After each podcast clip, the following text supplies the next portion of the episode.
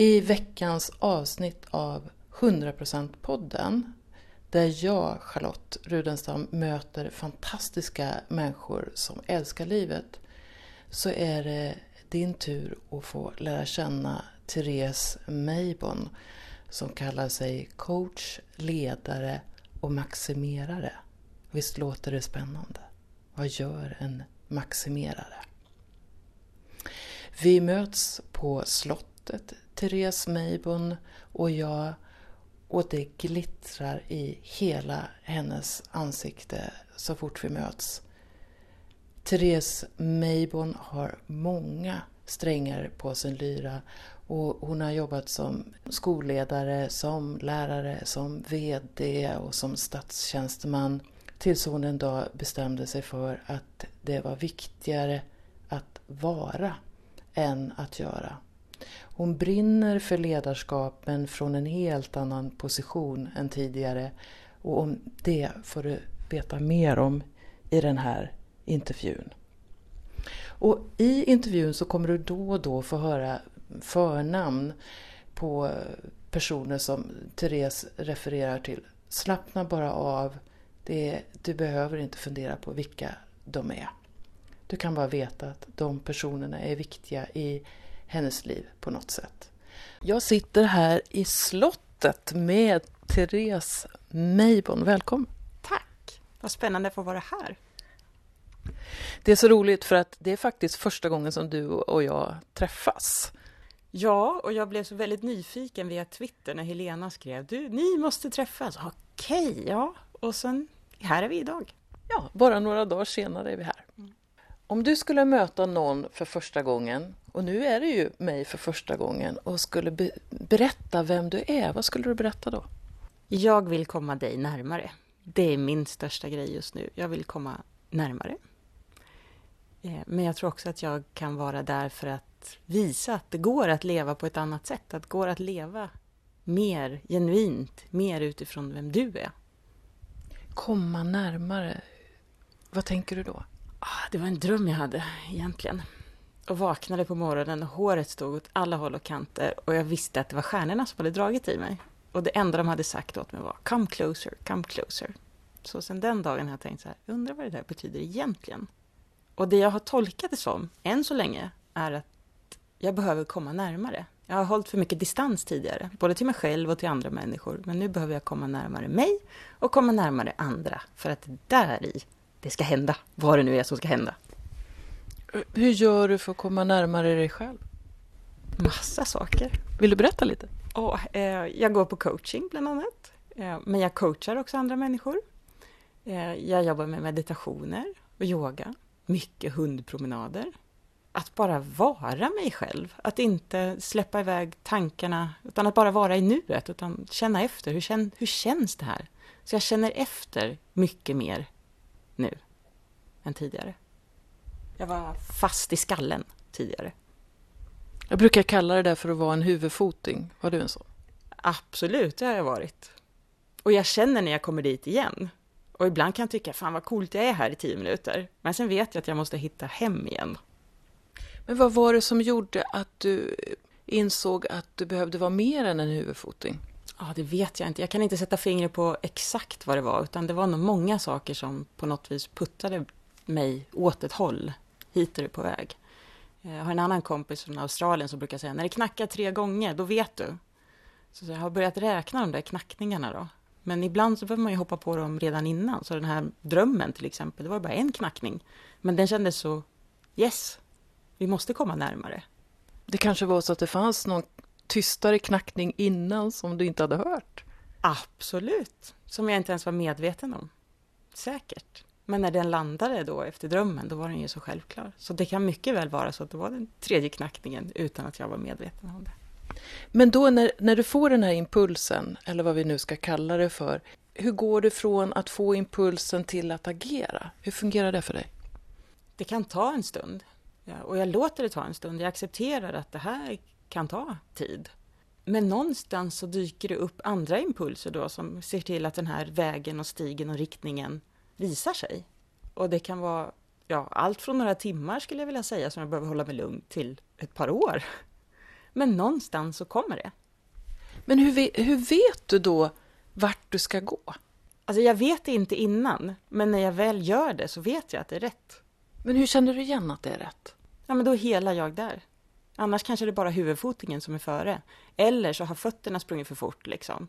Så att inte hela jag har hunnit med. Och då, då får jag, nej men det här var inte rätt. Då får jag välja om. Händer det ofta? Mer och mer sällan skulle jag vilja säga. Kan du försöka beskriva hur det känns när hela Therese vet att hmm, nu, nu går jag för att komma närmare? Oh, alltså det, jag får inte plats i min kropp då. Det låter spännande. Ja, det är jättehäftigt. Men, och det är som att hela, hela huden är vibrerande. Ja, vissa pratar om auror och så vidare. Ja, jag har ingen aning om hur man ser en aura eller någonting sånt. Men det känns som att jag får inte plats, utan jag, det, det vibrerar, mitt inre och mitt yttre vibrerar i samklang på något vis. Jag kan inte, jag, jag har svårt att sätta ord på det. Men det är en slags omedelbar vetskap om att nu, nu känns det rätt i mig. Ja, ja, det är så oerhört tydligt och jag behöver inte vänta på tre knackningar utan det är liksom här är det. Det här steget är helt rätt. Nästa steg, ja, det är fortfarande här och nästa steg. Det, därmed behöver jag inte vänta och stanna in vid varje steg, men jag känner det, det är där. Vad, har du några passioner i livet? Ja, det har jag säkert. När jag var huvudfoting hade jag ett par passioner. Då drev jag ju väldigt, eller drevs väldigt mycket av att jag skulle förändra skolan. Och hela den världen och den sektorn. Började du då i rollen som lärare eller? Ja, jag började som lärare en gång i tiden och sen har jag jobbat på Utbildningsdepartementet, jag har jobbat på ett privat skolföretag, jag har jobbat på Kommunförbundet med skolfrågor, så det har varit min gärning i hela huvudfotinglivet. Men på slutet av den perioden så dök det upp det här, det är någonting annat egentligen jag ska göra. Så jag tror någonstans att det är något större till och med än skolan som ska bli min passion.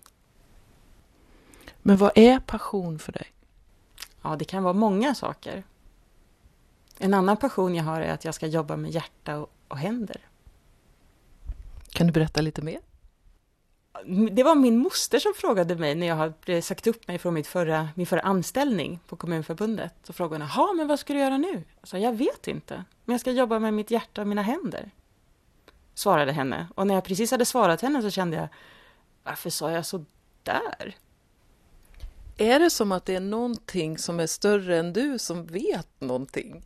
Självklart. Men det har jag ju inte litat på tidigare. Eller vad ska jag säga? Jag har varit sån huvudfoting som vi nämnde tidigare. Att jag har varit eh, väldigt analytisk och strategisk och målfokuserad och passionerad har jag tyckt också och, och, verkligen varit genuin i det. Jag har verkligen walk the talk även om det varit som huvudfoting. Ja, men nu är det dags för någonting ännu större och jag, jag söker lite granna. Men jag vet att varje steg jag tar är på väg dit. Så därmed, när din fråga kom, vill du komma och intervjuas i podden? Ja, för det är ett sånt steg. Och vad spännande. Jag ser en bild av ett hjärta som öppnas. Ja. När du säger det. Ja. Det är vidöppet. Är det så att det här hjärtat vill ge någonting till världen? Ja, både ge och hålla. Att finnas. Att det finns ett hjärta här. Det här blir lite grann som att du får undersöka någonting sådär inför mikrofonen, vad, vad det kan vara för någonting. Så har, du, har du idéer om att hålla, vad kan, vad kan det vara? Att hålla kan vara så oändligt mycket, tänker jag. Det kan vara i det lilla, att jag, att jag bara vet om det själv. Men det kan också vara så att jag i, i ett uppdrag, till exempel, som jag har nu som, som konsult, då behöver jag vara med och hålla 40 personer i deras möten och i samtalen med dem och i deras verksamheter. Och någonstans håller jag även då hela, hela den verksamheten där de här 40 personerna ingår i. Och vad behöver du ha för kapacitet för att kunna känna att jag, jag håller det här? Jag behöver vara oändligt grundad. Jag behöver ha stor tillit till mig själv. Och jag behöver ge mig själv kraften först innan jag kan hålla och ge till andra. Så det, det jag beskrev tidigare, hur jag liksom tar hand om mig själv då med yoga och meditation och coaching och hundpromenaderna, det är ju sånt som gör att jag kan komma och hålla och ge till de här människorna just nu.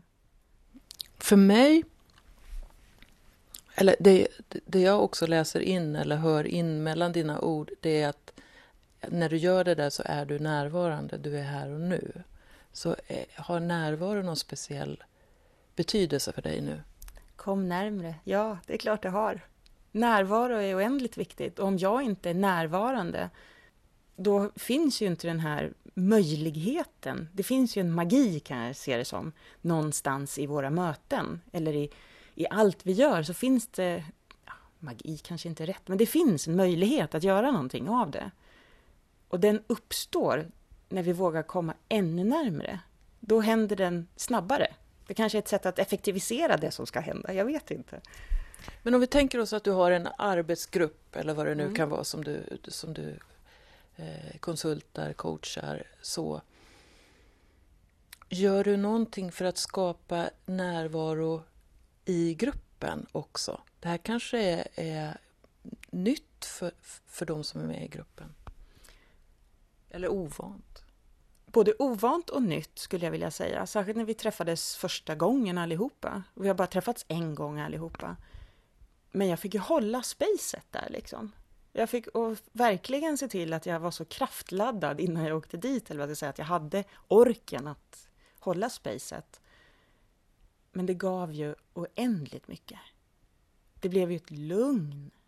Jag kunde ge ett lugn. Och jag har fått så mycket feedback av när jag har träffat alla en och en efteråt att innan de fick höra att jag skulle komma så var det oro och det första som skedde på det stora mötet det var oroligt och sen kom jag och satte mig framför och då blev det nu sänkte vi hjärtfrekvensen, nu sänkte vi oron. Nu kommer jag och är och håller er. Och sen kommer de till mig och möter mig enskilt och då håller jag igen. För mig är det här helt naturligt. Eh, och, jag är med om många sammanhang där jag dels är i närvaro och dels ibland håller space för, för många personer. Samtidigt är det lite svårt att ta på vad det där är och det kanske kan låta lite, lite flummigt. Skulle du kunna utveckla, berätta lite mer om det där, vad det är att hålla space? Jag skulle vilja säga den feedbacken jag har fått då ifrån de här personerna till exempel har ju varit att de har ett oerhört förtroende för mig fast de har träffat mig då en halvtimme innan de kommer på det här samtalet. Eh, när de har lämnat mig i samtal, de har kunnat varit oroliga inför samtalet också med vad de ska säga, hur de ska formulera sig och så vidare. Och sen har jag sagt hej, välkommen, vi har satt oss ner och informationen har flödat. Det har, det har bara skapats ett space. Jag har varit närvarande, jag har varit genuint intresserad av människan. Jag har inte suttit med papper och penna framför mig, jag har lagt bort det. Det har ibland varit ett hinder, upplever jag. Men nu finns det ingenting som stör emellan oss. De har varit, ja, de kommer till mötet och säger jag har stort förtroende för dig, men jag är lite orolig över vad jag ska kunna säga och så vidare. Och sen efteråt så är de oändligt tacksamma för att jag har lyssnat på dem. Så rent enkelt, ja, bort med verktyg, alltså som papper och penna och dator och det här som kan skapa distans. Var närvarande och genuint lyssnande. Om vi ska ta bort det flummiga då. Alltså, egentligen så är det ju så enkelt. Det är att jag nu möter dig och är intresserad av vad du, vad du säger och att jag är med dig då då känner du dig sedd. Och samtidigt så känns det som att just det är en bristvara i vårt samhälle för att människor är mycket i att de tänker på det som var eller oroar sig för, framtiden. Jag tänker också att det handlar om sårbarhet. Jag visar att jag inte har en annan agenda. Jag visar att jag är öppen och att jag inte har något skal. Jag visar att jag är sårbar. Och därmed skapas också en annan relation i, i mötet. Jag brukar säga att jag tycker sårbarhet är bland det sexigaste som finns och då sexig i en, i en vid bemärkelse för att det, det visar på en, en vilja till ett möte. Ja, jag tycker att det är så vackert. Att få möta någon som är sårbar, det är så oerhört vackert.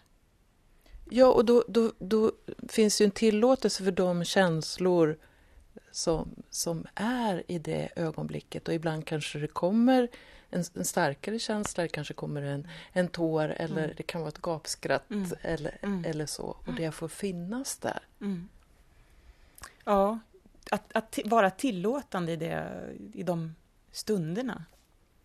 Öppet hjärta, visa sårbar, inga skal, inga, inget dömande.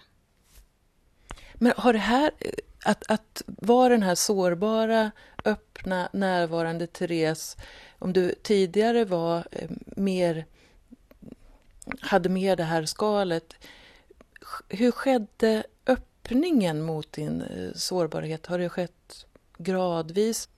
Den har nog skett gradvis. Men det har nog ändå varit olika större delar som har hjälpt till att skjutsa på den. Ehm, jag började med eh, en mindfulnesskurs 2010 och det var väl någonstans startembryot till det hela. Med närvaron och lyssnandet och att kunna sitta i samtal utan att känna mig tvungen att behöva nicka och le och alltså återspegla någonting. Med minspel, det är ju, det använder jag inte. Eh, men vad var det mer? Sen har jag ju gått på coachutbildning hos Mia, vilket var ett av stegen.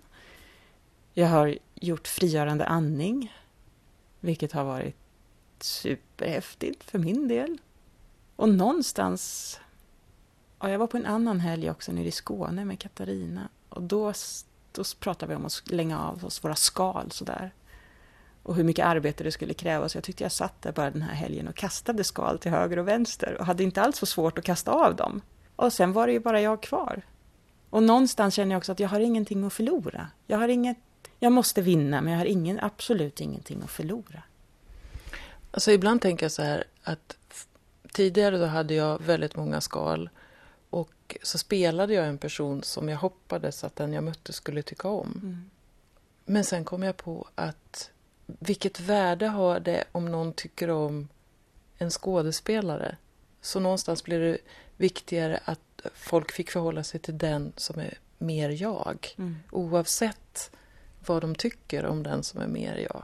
Kan du känna igen det? Ja, det är alltid trevligt att andra människor tycker om mig. Det, det, gillar jag. Men jag har inget måste i att alla ska tycka om mig. Det är viktigare att jag tycker om dem någonstans. Och kanske att du tycker om dig? Ja, det är ett absolut måste. För att annars, det jag ser hos mig speglas ju i vad jag ser hos dig. Jag ser ju bara mig själv när jag tittar på dig egentligen, tänker jag. Alltså, så tycker jag inte om mig själv så kan jag inte tycka om dig. Så världen kan, genom att du tycker om dig själv så kan världen bli liksom en vänligare plats att vistas i? Ja. Smittar det där, tänker du? Ja, det gör det. Jättemycket. Eh, även om det kan ta tid. Det är jag medveten om. Men jag tror att det smittar. Och Ja, ibland när vi pratar om det här, jag och mina vänner, så säger några ja men det kommer ta så lång tid, så lång tid. Jag bara, Nej, säger jag, det kommer öka hastigheten nu. Det kommer gå mycket fortare. Jag, jag umgås i, i en värld där, där de allra flesta ser det här och lever det här. Så, så, så jag tror absolut att, att vi är nära, jag skulle kalla det en tipping point. Mm, mm. Och, och, jag ser det som en av mina livsuppgifter att vara med och sprida ord om kärlek, för jag tror att det är det som vi behöver. Och, och, som jag ser det så finns det väldigt mycket rädsla i världen och på något sätt så kan den börja i att man är lite rädd för sig själv. Mm. Eller för vad andra ska tycka om en. Så att jag behöver börja med, med mig själv. Jag tänker, du började den här resan för fem år sedan, eller medvetet? Den medvetet för fem år sedan om du skulle stöta på en person som du inte har träffat på tio år, tror du att den skulle märka någon skillnad? Ja, det tror jag. Hur var du då? Och hur, vad, är, vad är liksom skillnad? Ja, eller, ja, och samtidigt beror det på vem det är, skulle jag vilja säga. För att i vilket sammanhang har vi haft en relation tidigare och i vilket sammanhang har vi inte haft det? Har vi varit nära tidigare eller inte? Har vi varit nära tidigare, då tror jag att då är det inte en så stor skillnad, utan det känns bara som wow, nu har hon blommat ut. Liksom. Det här såg jag skulle hända och nu har det hänt. Vissa andra som jag inte hade en lika nära relation till skulle vara så här, vad har hänt med henne? Det här verkar lite scary. Men jag tror att det smittar på någonstans ändå, för då ser de det där i alla fall. Att det har hänt någonting. Och så är de lite nyfikna, men ändå lite rädda. Och vad är det de skulle se? En mer kärleksfull Therese. Och, och vad tycker din familj om den här varelsen som, som du är nu? Det ska jag ju fråga dem såklart. Men ja, precis. Men, men jag, Vad säger 16-åringen? Ah, du bara kör med det här hippity-dippity mamma. Maka tycker, är det inte det där lite flummigt? Eller sådär. Men eh, så den närmsta familjen, ja men de vågar ju if, inte ifrågasätta, men de sätter ju sina ord på det. Men jag tror ändå att de är väldigt glada att det sker. Jag tror ändå att de gillar den här utvecklingen och, och som sker hos mig. För jag upplever att hela familjen levlar upp, om man säger så, som i något spel. Typ, när vi kommer nästa nivå. Och när du säger det här så ler hela du, det är inte bara ansiktet utan det känns verkligen som ja, man, jag ser den här upplevlingen som, som sker. Ser du det som att du har någonting som du ska bidra med till, till världen? Det är klart att jag har en uppgift här. Men hur tydlig den är idag, det vet jag inte. Men jag vet att den finns där. Och jag kanske aldrig kommer få se den jättetydligt, men jag kommer veta att jag tar varje steg jag tar när jag känner den här känslan i kroppen, då vet jag att jag är på rätt väg. Är du lite upptäcktsresande i, i, livet? Ja, absolut. Och vad är det som engagerar dig mest just nu? Någonstans att, att eh, öka medvetenheten om sig själv och ta hand om sig själv först. Alltså, de flesta jag möter och pratar med så slänger jag på något eller annat vis in det här. Kom ihåg när du åker i flygplanet. Kom ihåg vad flygvärdinnan säger. Syrgasmasken till dig först. Sen kan du hjälpa någon annan. Och jag ser att många blir Ja, just det. Ja. Jag måste ju ta hand om mig först. Så många får jag den reaktionen av. Så det, det är det som driver mig just nu. Medan andra fortfarande inte... Va? Kan de säga. Och så liksom rycka på axlarna och tycka att vad är det där för någonting? Och då känner jag, okej, okay, men ni är inte redo än. Jag kommer komma tillbaka. När jag tittar på din hemsida så står det ett ord som jag aldrig har hört förut nämligen maximerare. Vad är en maximerare? Det är någonting jag håller på att växa in i. Men jag tror att det är en av mina uppgifter i livet. Att maximera saker. Och det kan till exempel vara det här vi pratade om. Smittar det att man är kärleksfull och glad och så vidare? Ja, det gör det. Och jag kommer vara här för att maximera att den här effekten kommer att öka i hastighet till exempel så maxim, maximera möjligheterna, maximera upplevelsen. Det är någonting som driver mig också. Och jag, jag, är bra på att arrangera att den finns. Jag är bra på att anpassa mig till det som behövs. Och så maximerar jag det som kan göras med kärlek och empati. Jag kopplar dig till ledarskap.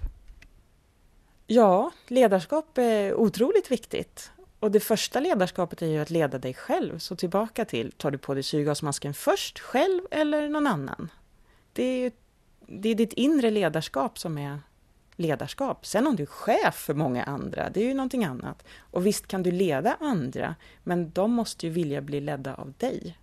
Ja, jag har ju jobbat mycket som ledare, både informellt och formellt och med titlar och med inte titlar i rugbylaget som kapten och lagledare och VD på privat företag och så vidare. Så att jag har ju haft ledaruppdrag. Och det viktiga för mig har då varit att jag kan vara sann mot mig själv och walk my talk. Oavsett om jag var huvudfoting eller någon hela jag. Så ledarskap är ju att du kan vara hela dig själv, den du är då. Då tänker jag att du är van vid de miljöerna och då kanske du också pratar ett språk som gör att du kan komma in med de här nya insikterna i de miljöerna.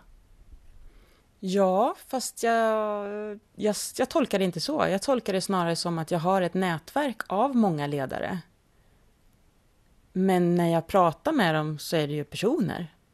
Absolut. Ja, så att det är så jag ser det och det är där jag kan komma in. För att när jag då träffar skolchefsföreningen eller någonting annat, ja men då vet ju jag, ja men där sitter Katarina och där är Karin och där är Gustav och där är Björn. Och jag vet vem de är. Vi är kompisar på Facebook. Jag känner dem som personer, så att jag tänker inte att de leder en verksamhet på x miljarder. Utan för mig är de ju personen och den inre ledaren. Sen kan de ha ett stort ledarskap för andra personer, men det är inte det. Utan jag ser dem som personerna och det är där vi möts. Så att det inte är andra ord tror jag, utan det är mitt sätt att vara med dem som är en nyckel. Det jag tänker är att du, du har tillgång till ett stort nätverk av människor som känner dig och då, då kan du göra verkan mm. på, på arenor som, som eh, människor som jobbar som coacher och så som kanske inte alls har, har det mm. med mm. sig. Mm. Ja, så kan det vara. Och jag tänker att, att eh, näringsliv och skola och så behöver människor som, som, de, som inte skrämmer. Mm, mm. Ja, men precis, jag har ju ett förtroende redan. Jag har ju levererat, om man säger så, i alla år. Eh, så att jag har ju ett förtroendekapital jag kan använda i de här kretsarna. Och återigen, vad har jag att förlora? Ingenting! Öppna hjärtat, bort med skalen, visa mig sårbar. Vem hugger då? Ja, vem hugger då? Jag har inte träffat någon än. Alltså jag, jag, jag testade under ett tag att ha en helt öppen Facebook och jag skriver ju om mycket om kärlek. Och så har jag kompisar som har sagt att man blir bara som kidnappad av eh, troll och sådär. Jag har nästan aldrig fått någonting negativt överhuvudtaget. Och jag tror att det beror på vad jag sänder ut. Mm. Så to walk the talk hjälper på något sätt. Ja, det har varit en diskussion här i media också, och sociala medier framförallt, om god ton de senaste veckorna. Och jag tror precis det, för jag har också upplevt att jag, jag kan se att det inte är god ton överallt. Men hur många skal gömmer du dig under och vad är det du är rädd för egentligen som gör att du måste försvara dig när du istället skulle bara säga så rätt du har. Eller ja, jag håller inte riktigt med dig men jag förstår att vi kan ha olika åsikter. Varför ska man kriga och vinna över sådana här saker som sker på 140 tecken? Ja, för mig är, för mig är det verkligen obegripligt och, och, och jag känner ju också sådana som, jag känner flera stycken som har slutat på Twitter för att de har blivit, fått sådana ordkanonader mot sig att det har gjort ont ända in i mm. deras hjärtan. Mm, mm.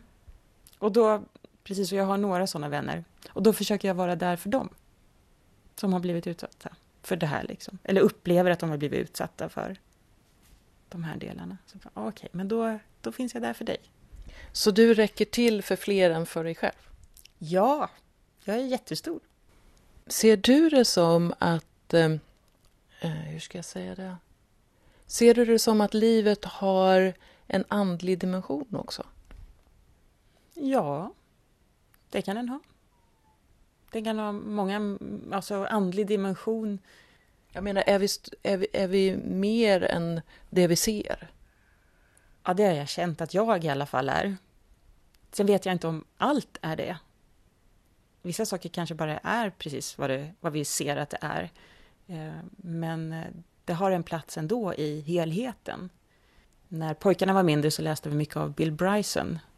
The History of Nearly Everything har han skrivit. Och så har han skrivit en barnbok om det här också. Helt fantastiskt. Men varje uppslag då i den här bilderboken handlar om en sak. Och ett uppslag då handlar om människokroppen.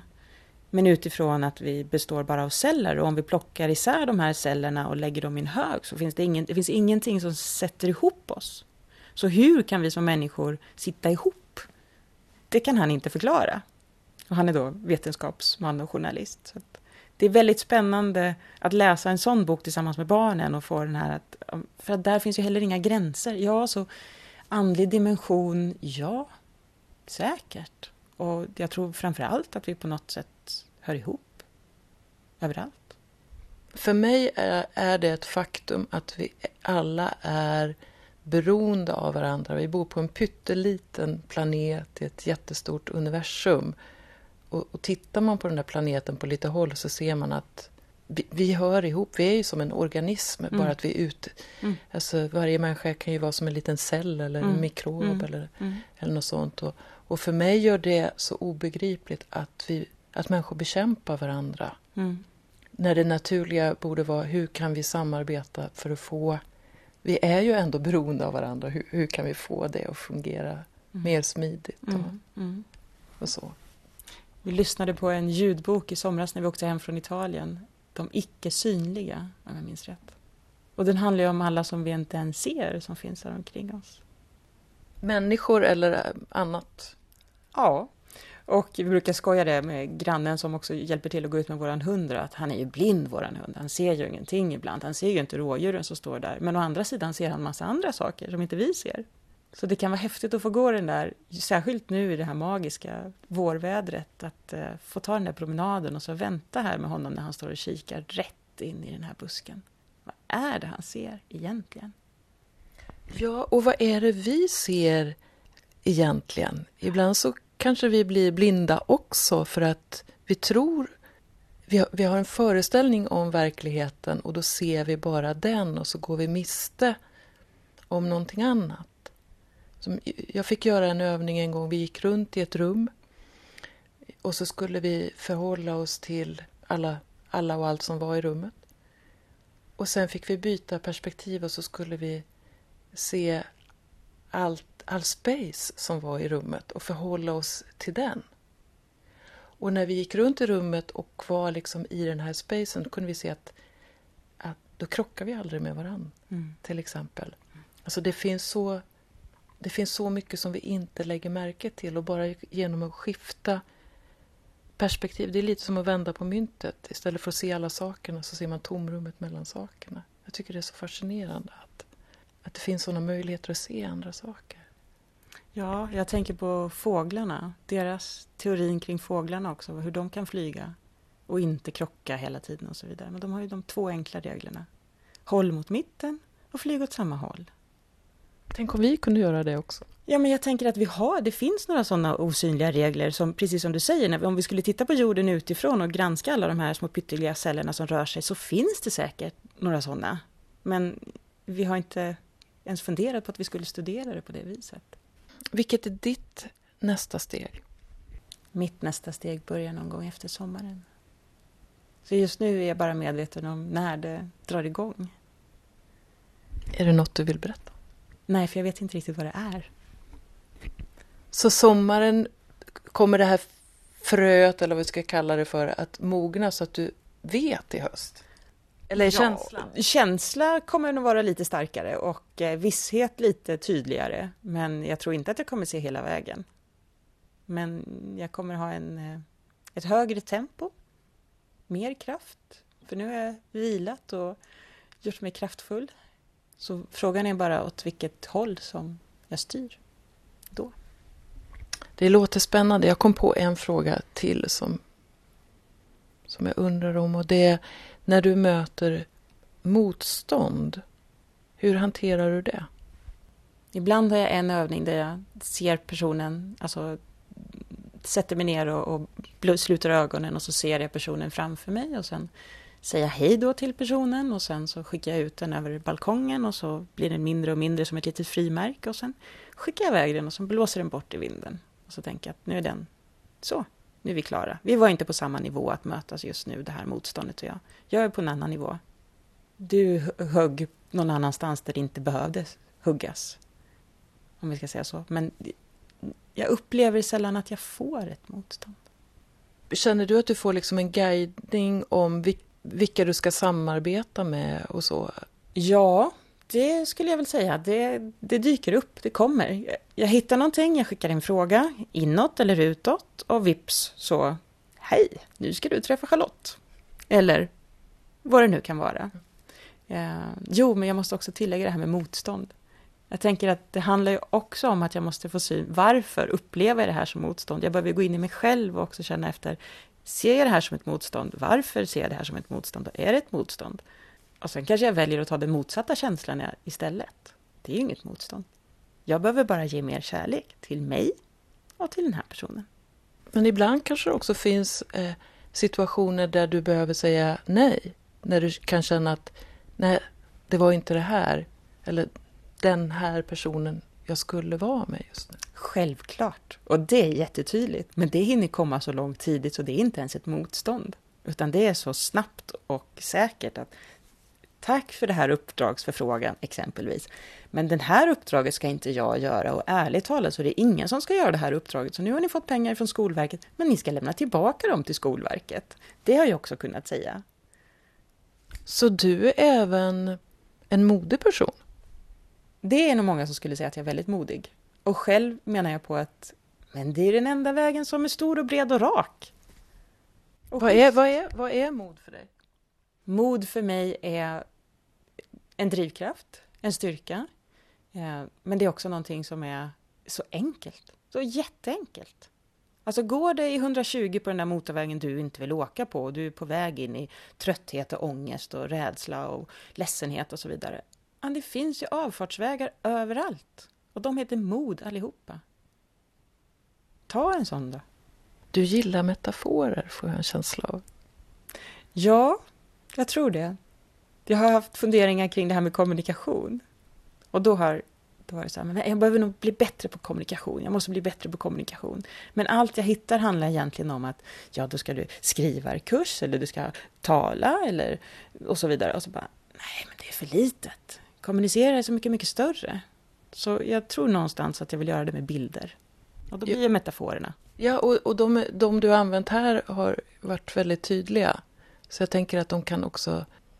Mottagaren förstår på ett enkelt sätt vad du syftar och så får dra sina egna slutsatser ja, utifrån det. Och någonstans inte lika skrämmande kanske heller. Att det blir lite... Ja, just ja. Man får dra sina egna slutsatser som du säger och så kan man själv se hur den där motorvägen skulle se ut. Man kanske ser sig själv åka den där motorvägen fast man inte vill. Och jäklar, jag har ju sett 17 avfartsvägar som heter mod. Varför har jag inte tagit någon av dem? Och nu kanske jag vågar. Om vi tänker att den som lyssnar här är lite grann på gång och skulle vilja ta ett steg närmare sig själv, våga komma närmare. Finns det någonting du skulle kunna rekommendera den personen att, att göra som en första liten grej som kan vara så här, en manifestation av nu vågar jag lite mer? Prata med någon. Uttryck det här. Alltså manifestera det på något vis. Säg det. Eh, skriv det.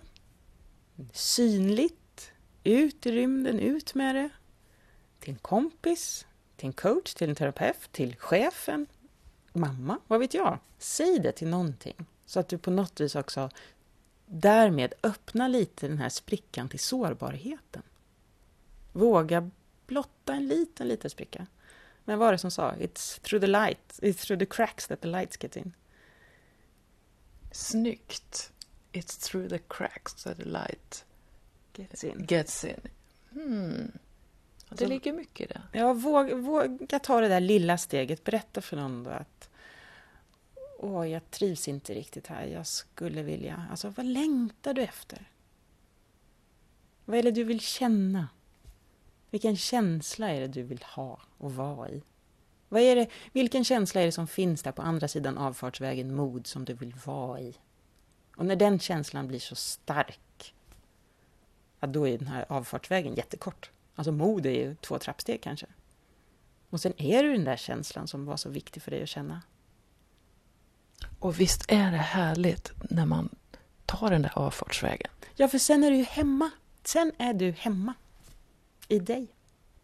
Tack Therese Meibon för att du kom till slottet idag. Tack Charlotte. Therese Meibon, ett sånt energiknippe, eller hur? Jag kände mig hög en lång stund efter intervjun. Och det är något speciellt att möta en person för allra första gången och göra det i en intervjusituation som det var här. Om en vecka så kommer nästa avsnitt av 100% podden och jag skulle vilja att du, om du har tid, går in på iTunes och gör en liten recension av 100%-podden. Det räcker med några ord. För det är så att ju fler recensioner en podd har desto lättare blir den att hitta för människor. Och jag hoppas ju att väldigt många människor ska hitta till 100%-podden och låta sig inspireras av de härliga människor som jag möter. Vem skulle du vilja lyssna på? Berätta gärna för mig. Under tiden, passa på att njuta av livet. Och ta ett djupt andetag och känner att du finns här just nu.